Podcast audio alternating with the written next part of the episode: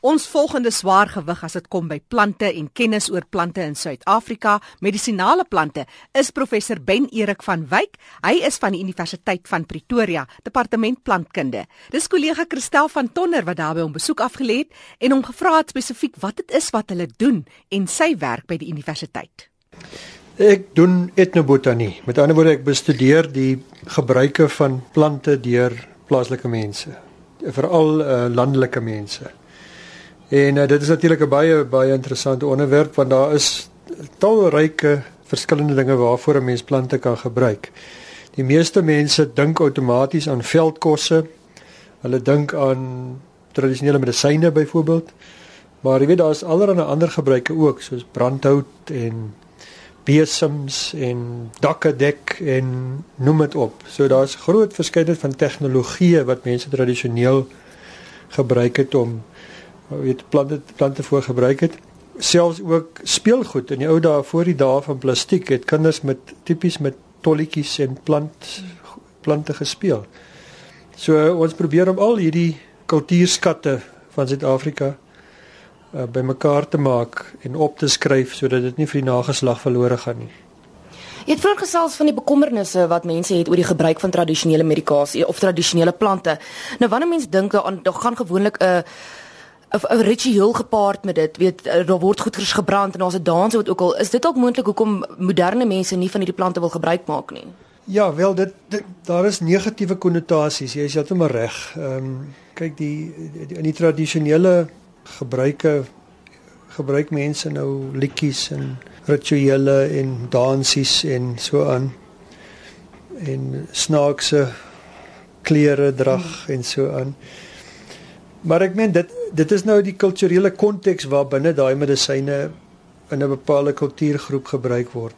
In ons kultuurgroep gebruik mense 'n wit jas en 'n stetoskoop om om die indruk te skep dat hy weet waarvan hy praat. Dit is baie belangrik dat die dokter die indruk skep dat hy weet waarvan hy praat. Want as as hy jou nou behoorlik gediagnoseer het en hy vertel vir jou man jy het nou hierdie en hierdie siekte, dan is jy klaar halfpad genees. Dat jy die onsekerheid wegneem dat jy voel jy's in goeie hande is 'n baie baie kragtige ding. En ek dink dit is waaroor dit gaan dat dat die kulturele konteks is gewoonlik maar dieselfde of dit dit lyk nou vir ons snaaks die die mediese dokter sal nou in sy boek blaai en hy sal nou eh, allerlei goedjies doen jou pols neem en dit en dat. Dis ook maar 'n ritueel. So ek dink nie daar is sulke groot verskille nie Maar mense verstaan baie keer nie wat die tradisionele gebruike is nie. Byvoorbeeld, die gesegde wat jy kry is dat mense gebruik plante om bose geeste te verdryf. Reg. Soos daar byvoorbeeld 'n plant wat hier op die Moetiemark in Johannesburg verkoop word, hy's sulke grasgroen stingels. En as jy vra waarvoor word hy gebruik? Hy word gebruik om bose geeste in en om die huis te verdryf.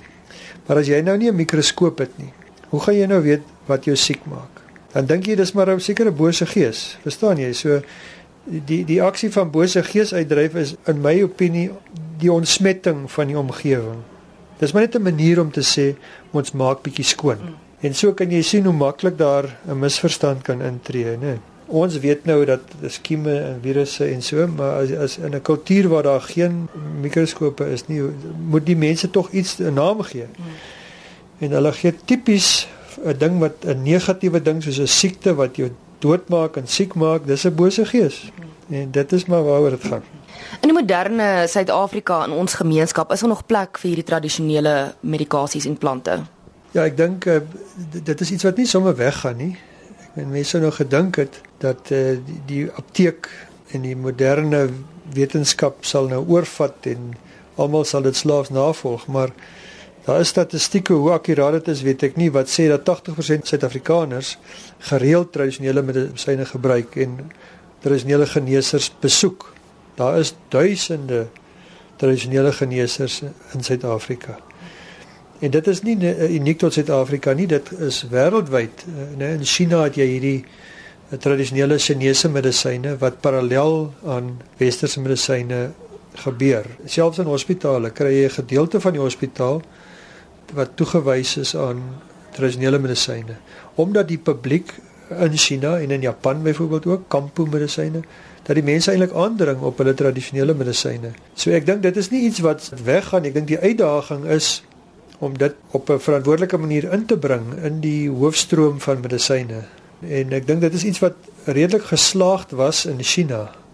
Maar China het in 1956 al begin daarmee. Hulle het dit genoem integrative medicine. Integrative medicine is dus waar jy die tradisionele medisyne en die westerse allopatiese medisyne, of kom ons sê die moderne wetenskap en die ou tradisies saambring en dat daar 'n wederwysige voordeel kan wees.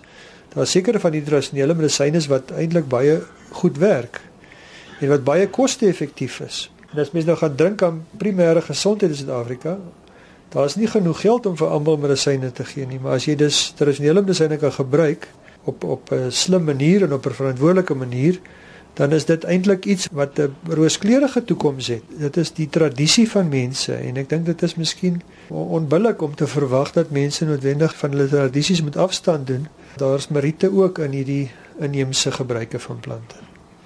Om mee af te sluit, uh, as van ons luisteraars nou belangstel in die tradisionele plante en tradisionele medikasie, waartoe kan hulle gaan om meer navorsing te doen en om uit te vind wat is giftig en wat is nie giftig nie en watse plant kan gebruik word vir watse kwaal?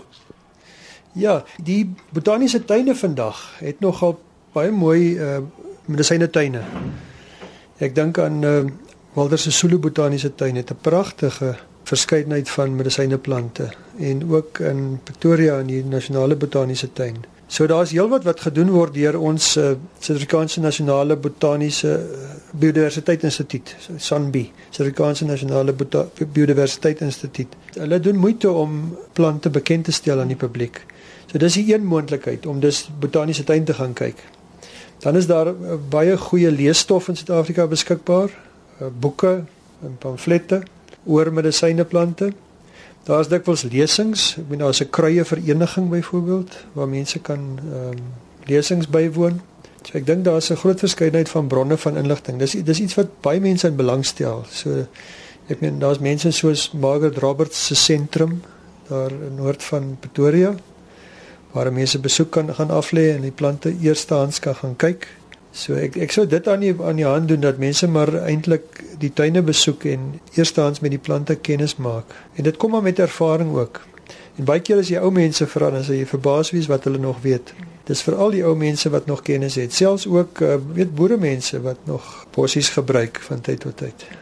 Professor Ben Erik van Wyk van die departement plantkunde dis by die Universiteit van Johannesburg wat altyd sy kennis en kundigheid met ons deel oor plante en medisinale plante spesifiek. Christel van Tonner het met hom gesels.